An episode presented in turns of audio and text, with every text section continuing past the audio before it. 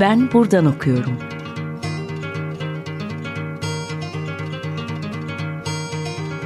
Edebiyat ve başka şeyler.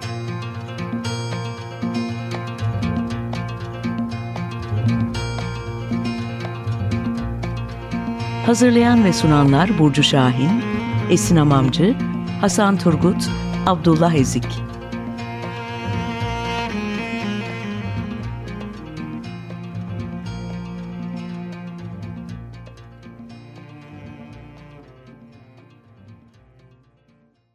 Merhaba, Açık Radyo'da Ben Buradan Okuyorum programındasınız. Ben Burcu. Stüdyomuzda Cem Yılmaz Budan ile beraberiz bugün. Türk Edebiyatı'nda Bohem hakkında konuşacağız kendisiyle. Hoş geldin Cem. Merhabalar, hoş bulduk. Ee, başlamadan sohbete hemen kısaca hakkında bilgi vereyim ben. 1985 yılında İstanbul'un Şişli ilçesinde doğdu. Oğuz Atay üzerine hazırladığı bitirme teziyle Türk Dili ve Edebiyatı lisans eğitimini, Türk romanında şehirleşme olgusu başlıklı teziyle doktorasını tamamladı. Edebiyat sosyolojisi, eleştiri kuramları, roman teorisi, edebiyat sinema etkileşimi gibi araştırma alanları üzerinde yoğunlaştı. Kocaeli Üniversitesi Türk Dili ve Edebiyatı bölümünde öğretim üyesi olarak çalışıyor. Yayımlanmış çalışmalarından bazıları şöyle, Ahmet Haşim estetiği üzerine kuramsal analizler bu 2020'de e, çıktı. Türk Edebiyatı ve Sinema 2020 gene, Kitle Kültürü ve Edebiyat'ta 2022. Biz son kitabı e, üzerinden konuşacağız. Türk Edebiyatı'nda Bohem kitabından bahsedeceğiz. Sel yayınlarından çıktı. Şimdi genellikle sohbetimiz hep tanımlar üzerinden başlıyoruz bu tarz e, çalışmaları konuşurken ama ben bu kez e, bir önceki aşamayı merak ediyorum aslında. Yani bu konu üzerine düşünmeye başlama maceran nasıl oldu? Teşekkür ederim. Ee, aslında Bohem deneyimin Türk Edebiyatı özelinde geçirdiği e, serencame eksen edilen bir çalışma vücuda getirmeye e, Fikret Adil'in yazınsal kimliğiyle iştigal etmeye başlar başlamaz karar verdim. E, temelde bu Oktay Akbal'ın Fikret Adil'in maruz kaldığı ihmali atıfta bulunduğu denemesi e, sürecin ilk aşamasını oluşturdu. Hı. Kendisi sayesinde bu suretle fikir sahibi olabildim zira e, Adil'in e, ilham verici kişiliği, bohem edebiyat mahfillerinin bizdeki e, arkaik örneklerini ve temsilcilerini denilemesine tetkik ederek e, ilgili literatüre ait verileri derli toplu bir biçimde neşretme ihtiyacı hissetmemi sağladı.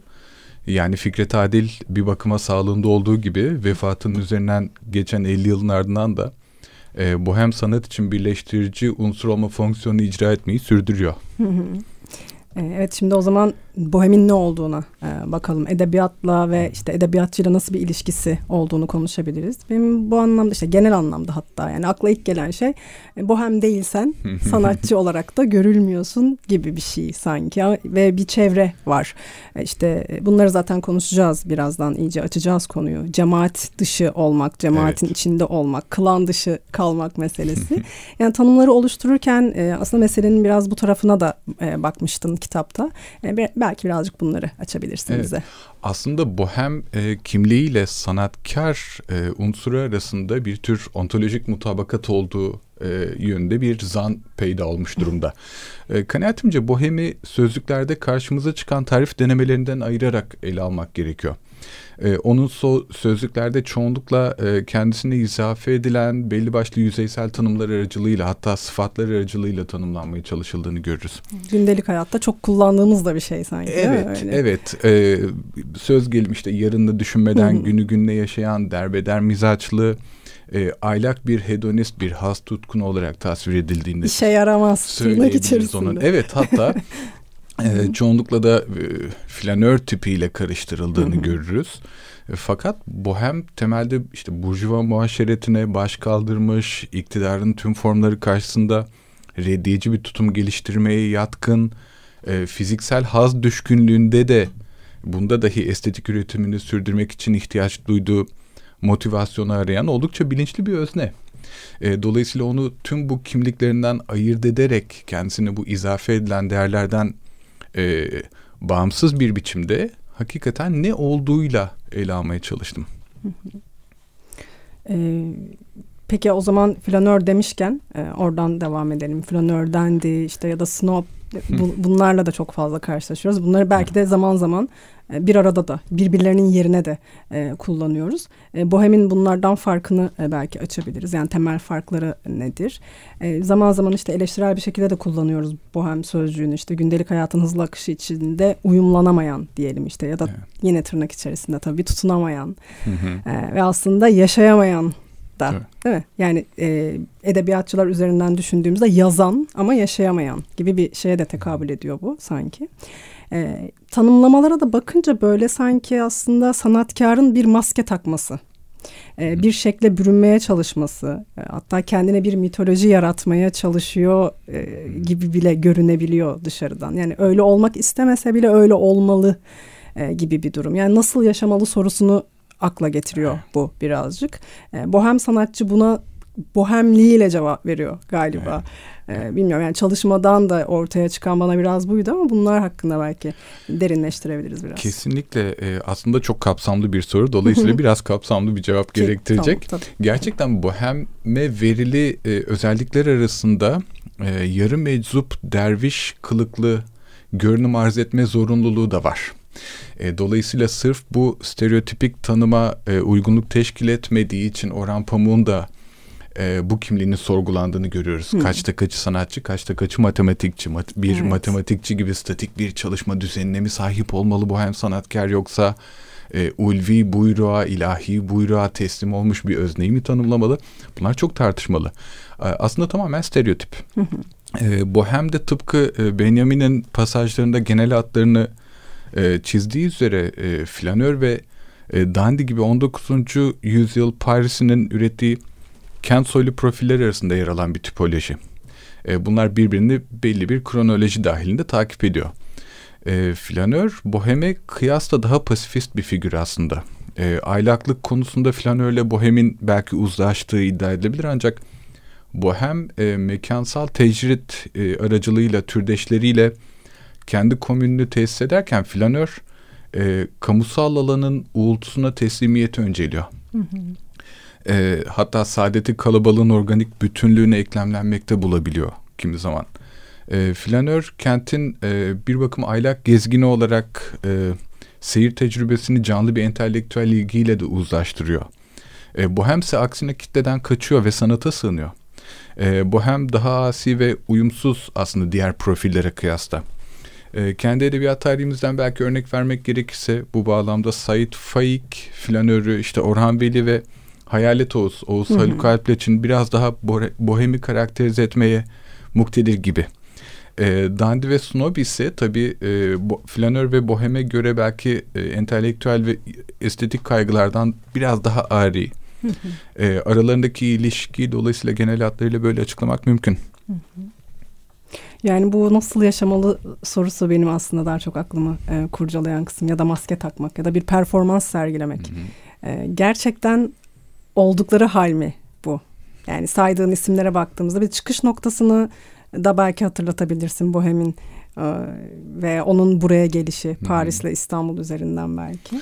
E, tabii aslında ilk bohem oluşumlar bizde e, tabiatıyla Parisyen snobizmi hatta e, Paris'te konuşulanmış e, bohem pratiği e, yerel ayrıksılığa uyarlamaya çalışıyor. Yeminle bir uyarlama işte bir adapte var, etme durumu. Var çünkü Hı-hı. ne olursa olsun e, yüzyıllar boyunca İslam epistemolojisiyle Hı-hı. yaşamış, harmanlamış topraklardan söz ediyoruz. Doğal Hı-hı. olarak bazı ahlaki çekinceler söz konusu olacak kimi marjinal girişimleri kabul edilebilir kılmak adına kamusal e, çoğunluğa belki kabul ettirebilmek adına e, doğal olarak bir uyarlama girişimi söz konusu olacak. Özellikle Fikret Adil ve etrafında kümelenen sanatkarlar özelinde bunu söylemek mümkün.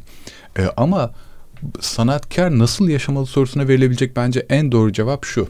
Şimdi Said Faik Burcuva kökenli bir yazar. Evet. Buna mukabil e, duyuş ikliminden eserlerine akseden boyutlarına kadar hemen her şeyiyle bohemi deneyimleyen bir bir ruh haline de sahip. Özellikle bunu oynamaya çalıştığını kanıtlayan hiçbir emareye tesadüf edemiyoruz. Bu olarak doğmuş. ee, dolayısıyla e, özellikle bu kimliğe sahip olmaya çalıştığını gözlemlediğimiz sanatkarların e, yapaylığı onda pek mevcut değil. Ha, verili kimliği ne olursa olsun onun üzerine çıkmaya çalışıyor. Bu Orhan Veli için de geçerli. Hakikaten saadeti sıradan insanın gündelik yaşantısına eklemlenmekte buluyor bu insanlar. Ee, ve çok büyük ilgileri de yok. Ya da mesela Murat Belge Hoca'nın e, sözünü ettiği üzere e, Orhan Seyfiler, Halit Fahri Ozan Soylar büyük kulüpte iktidarın istif- e, tüm tüm olanaklarından e, kendilerine bahşettiği imtiyazlarını istifade ederken onlar adanın salaş meyhanelerini ya da kayıkhanelerini tercih ediyorlar. Şimdi bu çok bilinçli bir tercih dolayısıyla. Bir şeylere de karşı çıkılıyor bir yandan. Kesinlikle. Bununla. Politik bir tavır da var o zaman bohem hayatta. Bohem düşünüldüğü kadar apolitik bir tavır değil. Evet. Zaten Karl Marx'ın e, bahsettiği üzere o On Aralık Derneği ile bir ilgileri var. Aslında çıkış noktaları e, son derece güçlü birer aksiyoner dava adamı kimliği ne tesadüf ediyor. Fakat sonrasında tabii belki ideolojik bağlamdan biraz daha uzaklaşıyor. Nitekim Nerval'de de, Gautier'de de, yani Paris'teki örneklerinde de e, bir karşı çıkış var. Ancak o biraz daha pasif direniş mesafesinde bir karşı çıkış. Yani politik eylemliliğe çok belirgin bir biçimde soyunmuyorlar. Yani meydanlarda olmak yerine daha e, başka yollarla. Ee, evet belki ortaya koydukları ürünlerle hatta ve ve e, sergiledikleri e, pozisyonla, imajla. Evet şimdi e, istersen bir e, şarkı arası verelim. E, konuya da uygun bir şarkı seçtin bize. ne seçtin? Evet bu arada şarkı seçimini e, bana e, bıraktığın için çok teşekkür ederim. E, üzerinde durduğumuz başlığın içerdiği konuyla da mütenasip. E, Charles Aznavour'dan e, çok sevdiğim bir parçadır. E, La Bohème. Merhaba tekrar Cem Yılmaz Budan ile sohbetimize devam ediyoruz. Ee, nasıl yaşamalı sorusunun peşine düşmüşken buradan e, devam edelim e, aslında. E, bugünden bakınca bohem nerede? Var mı? Hı hı. Ya da kabul edilebilir mi e, bu yaşam tarzı? Gerçekçi mi? Varsa bir bohem hayatta kalabilir mi? Gibi bir soru. Ee, evet, bohem e, aslında ne yazık ki buna çok olumlu bir cevap vermek mümkün değil. Ee, özellikle 1970'lerden itibaren hükmünü tümüyle yitirmiş, belki kendisini var eden, kendisini zorunlu kılan tarihsel koşulların ortadan kalkmasıyla e, sırra kadem basmış bir tipoloji. Bunu bunu itiraf etmek gerekiyor. Öncelikle artık bohem sanatkarın kendisinden kaçmak isteyeceği bir toplum yok. Çünkü bu kaçış temayülünün ortaya koyduğu bir kimlik. Ee, karşımızdaki toplum yeterince atomize olmuş, paramparça bir görünüm arz eden, sanatkarı anonimleşmek için çaba harcama külfetinden kurtaran bir yapı. Bugün hiçbir bohem sanatkar kamusal alanda tanınma endişesi geliştirmiyor. E, çünkü zaten tanınmıyor. E, bohem sanatkar bu nedenle e, yıllar önce zaten topluma döndü. E, üstelik sanırım iletişim modeli de bohemin e, ölümünü ilan eden etkenler arasında. E, dijital iletişim süreksiz medya ikonları yaratıyor. E, yegane amacı estetik üretime devam edebilmek olan idealist bohem şehitleri değil. E, o romantik doku belki de ortadan kalktı. Sanat artık çiğ ve e, kanaatimce ucuz bir ironi egemen. Yani gerek edebi düzlemde gerek plastik sanatlar alanında. Bu bile bohemin e, görkemli varlığının ortadan kalkmasının temel nedenlerinden biri e, kanaatimce. Aslında gizem yok artık ortada. Gizem e, ortadan kalktı. Çünkü az önce de bahsettiğim üzere bohem bizzat e, bu tür bir gereksinmenin ürünü. E, ve tabii şunu da kaydetmek gerekiyor. Yani bohem hemen her koşulda bir cemaat hareketini ifade ediyor. Yani yalnız bohemin sınırları, imkanları belki tartışılmalı. Ama bu tespitten de bohem duyuşun işte münferit temsiller üretemeyeceği yönde bir sonuç çıkarmamak gerekiyor. e, bohem sanatkar kendisiyle belki aynı duyuş iklimine mensup benzer ha, e, hassasiyetleri, duyarlılıkları yaşatan fertleri etrafında toplamaya çalışıyor. Buna oldukça meyyal. Ama söz gelimi bohem edipler bir araya gelerek mesela e, sanat telakkilerini bir manifesto aracılığıyla e, duyurmak gibi bir endişeden de oldukça yoksun. e, daha ziyade işte aynı estetik prensiplere bağlı kalmak zorunda hissetmiyorlar kendilerini. Birliktelikleri e, ortak bir fiziksel zemini ve e, aynı haleti ruhiyeyi e, paylaşmak üzere koşullanmış gibi. Ee, yani kitapta Bohemi de tasnif ederken kuşaklardan ve mekanlardan bahsediyorsun. Ee, işte Asmalı Mescit kuşağı, Baylan kuşağı gibi. Ee, biraz bunlardan bahsedebiliriz. Belki kimler vardı, hangi yıllara tekabül ediyordu? Ee, işte kuşakların e, birbirinden bohem olma anlamında ne gibi farklılıkları vardı? Ee, ve gene aslında o cemaat olma meselesine geliyoruz. Yani bir yere üye olma meselesinin tersinden de bakmak istiyorum biraz. Yalnız bir bohemden bahsetmek mümkün mü değil mi? Hı-hı. Yani aslında tabii e, bohem sanatkara muayyen bir yaşam tarzını buyuruyor. Bu çok açık. E, onu işte gösterişten uzak durmaya, sınıfsal statü ve ayrıcalıkları redde, servet birikimini tahkire hatta çağırıyor. E, mesela Ece Ayhan'ın e, ailesi ticaretle iştigal eden Edip Cansever'i biraz da müstehsi, işte, ironik bir üslupla yermesinin temel nedeni bu. Zengin olduğu için dışlanan çocuk. Dışlanıyor. Daha doğrusu zenginliği bilinçli olarak reddetmediği için dışlanıyor. Mesela Gautier e, Nerval ile ilgili bu e, monografisinde e, ki bir bohem şehididir Nerval'de malum olduğu üzere e, intiharlı hayatını e, son, sonlandırmış bir isim. E, kendisi ne ailesinden çok ciddi bir e, mali birikim kalıyor. Ve e, biz Nerval'in e, bir gazete e, imtiyazı almaya son derece gönüllü olduğunu biliyoruz. Buna mukabil e, kısa sürede servetini tüketiyor ve elinde hiçbir şey kalmıyor. Bu da bohemin alamet farikalarından biri gerçekten. Yani e, çok kısa süre içinde sahip olduğu o mali üstünlüğü yitirip e, kimsesiz ve beş parasız kalmak. Ama bunu bir bilinçli olarak tercih ediyor. Hatta biraz demeyelim. Epey bilinçli olarak tercih ediyor. E, tabii bir yandan sefaat alemlerine ve e, işte en marjinal eğlencelere teşne, e, öte taraftan yokluğu da en şiddet boyutlarıyla deneyimlemekten epey bir keyif alıyor. E, Necip Fazıl'ın işte Çile'nin ön sözünde belirttiği üzere o hem en süfli hem de en ulvi varlık olmaya çalışıyor. İki başta bir mahluk olmaya çalışıyor. Evet. Tabii kuşaklardan e, söz açılmışken yani bizdeki bohem kuşaklardan söz açılmışken benim tüm tetkiklerim neticesinde elde ettiğim sonuç şu. Bizde temelde e, iki bohem sanat kuşağı geliyor. e, bunlardan ilki Fikret Adil etrafında temerküz eden o e, benim Asmalı Mescit kuşağı adını verdiğim oluş, oluşum. E, 1930'lu yılların başlarında henüz 30'lu yaşlarının da başlarındadır bu isimler. Çünkü yüzyılın e, girişinde doğmuşlardır hemen. Asmalı Mescit civarında gelişiyor ve Adil'in bir bakıma devrin edebiyat e, mahfili haline getirdiği evini merkez üssü tayin ediyor. Mensupları arasında e, Peyami Safa ve Necip Fazıl'ın yanı sıra İbrahim Çallı var. Mahmut Yesari var. E, aslında pek çok farklı eğilime, ideolojik, kültürel bir arada e, düşünemeyeceğimiz eğilime evet mensup isimler bir araya geliyor. e, tabii ikinci kuşak e, daha ziyade işte 1950'lerde Baylan çevresinde bir araya geliyor. Etrafında toplandıkları isim Atilla İlhan. Ee, 1950 kuşağının öykücülerinden e, işte Demir Özlü, Ferit Edgü, Orhan Duru gibi, gibi e, belli başlı ediplerin oluşturduğu bu mahfil e, öncülüne kıyasla daha sansasyonel. E, biraz daha marjinal hatta toplumsal sinir uçlarını yoklamaya, tahrik etmeye biraz daha gönüllü. Cinsellik meselesi özellikle değil mi? Özellikle. Devreye giriyor. Tabii ki bu e, kitlenin çeperinde e, bir araya gelen isimler de katkıda bulunuyor. Bu bu e, cüretkar tavrın gelişmesine diyelim. E, niye çeperi diyorum? Çünkü çeperinde aslında konuşlananlar kadınlar. Evet. E, ne yazık ki çeperinde konuşlanıyorlar. Baylanda e, Tezeri Özlü ağabeyini e, belli bir mesafeden süzebiliyor. Yani yavaş yavaş etrafındaki kadın sanatkarlarla sızmaya çalışıyorlar bir bakıma bu ortama.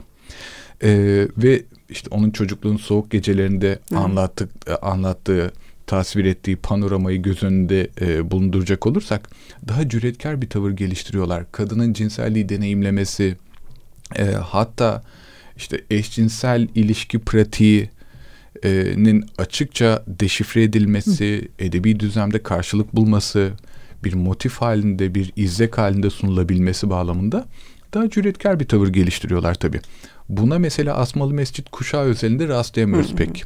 Bir ket vurma hali söz konusu deneyimliyorlar mı? Evet deneyimliyorlar ama e, bundan e, yazılı anlatım düzleminde bahsederken biraz daha ket vurma eğilimi geliştiriyorlar. Bir hayalet oğuzları yok çünkü sanki. Çünkü bir hayalet oğuzları yok. O kadar evet. marjinal bir figürleri evet. yok. O hakikaten tam anlamıyla e, Türk boheminin en en stereotipik örneği. Hı. Bir de tabii Türk e, edebiyatı tarihinde bohem yaşam pratiğine ve e, bohem sanata en şiddetli muhalif tavrı çok ironik bir biçimde vaktiyle o hayatı e, deneyimlemiş e, isimler geliştiriyor. yani Peyami Safa ve özellikle Necip Fazıl bu yaşam tarzını hararetli bir biçimde ilerleyen dönemlerde tenkit ediyor ahlaka mugayir buluyor. Hı. Atilla İlhan için de bu geçerli. Hı hı hı. Tam da bu noktaya getirecektim soruyu ben de. Yani edebiyat mahfillerinde olmak, bir yere ait olmak, baham olmak metinlere ve eserlere yansımış mı? E, nasıl yansımış? E, ya da işte bu e, şekilde bohem olmayı ve bu mahfilleri eleştiren yazarlar var mı? E, okurken kitabı hemen aklıma tabii çalışma alanımda olduğu için Leyla Erbil geldi. Tuhaf bir kadında bununla müthiş bir mücadelesi vardı Lambo'da. Evet. Yani orada olabilmek adına erkek edebiyatçı cemaatinin arasında var olabilmek adına epey bir e, mücadele. Yani orası aslında e, erkek yazarların kahvehaneleri gibi değil mi? Görünüyordu orada. Başka kimler var bu tarz eleştiren kadın yazarlar üzerinden düşünürsek? Yani Leyla Erbil belirgin bir örnek. Ee, Tabii e, Sevgi Soysal'ı da bu zümreye dahil etmek mümkün. E, Sevgi Soysal biraz daha ideolojik kimliğiyle ön planda bir sanatkar, bir kalem sahibi ama e, onun da bu süreçte çaba sarf ettiğini görüyoruz. Tezer Özlü ismini zikretmek zorunda olduğumuz bir başka e, sanatkar Sevin Burak evet, yine. yani yeni geçiyor. Evet yani özellikle Afrika dansıyla e, biçemde denediği yeniliği, e, onun özellikle ben tekrar tekrar Türk Edebiyatı tarihi açısından çok çok kıymetli bulurum. e, bir ihtilal olarak değerlendiririm. E, tüm bu isimleri aslında Leyla Erbil başta olmak üzere bahsettiğin üzere adeta sızmaya çalışıyor. Çünkü her ne kadar bohem sanat mahfilleri e, kimi işte avantgard oluşumlar karşısında daha ılımlı bir tavır geliştirse de hatta kamuoyuna bir hep bariyer gibi görürüm onları. Yani bazı ilerici hamleleri geniş kitlelere benimsetme sürecinde icra ettikleri fonksiyonu çok kıymetli görürüm. Ama yine de erildir. Yine evet. de eril tahakkümün karakteristiğini tayin ettiği bir yapıdır. Dolayısıyla kadın sanatkarlar adeta bahsettiğin üzere sızmaya çalışıyorlar. Hem orayı yıkmak hem orada olmak. ya kendi başlarına olmak. Onların yanında olmak da değil mesela galiba. Kesinlikle. Ee, belki bu işin bu kısmı da araştırılıp tekrar başka bir kitap ortaya çıkabilir. Ee, neden olmasın? Zamanımızın sonuna geliyoruz artık. Ee, sohbetin için çok teşekkür ediyorum Cem. Yeni çalışmalarını da takip edeceğim. Ben teşekkür ederim. Çok sağ ol. Çok teşekkürler. Sevgili Açık Radyo dinleyicileri Cem Yılmaz Budan ile Türk Edebiyatı'nda Bohem'i konuştuk. Bir sonraki programda görüşmek üzere. Hoşçakalın.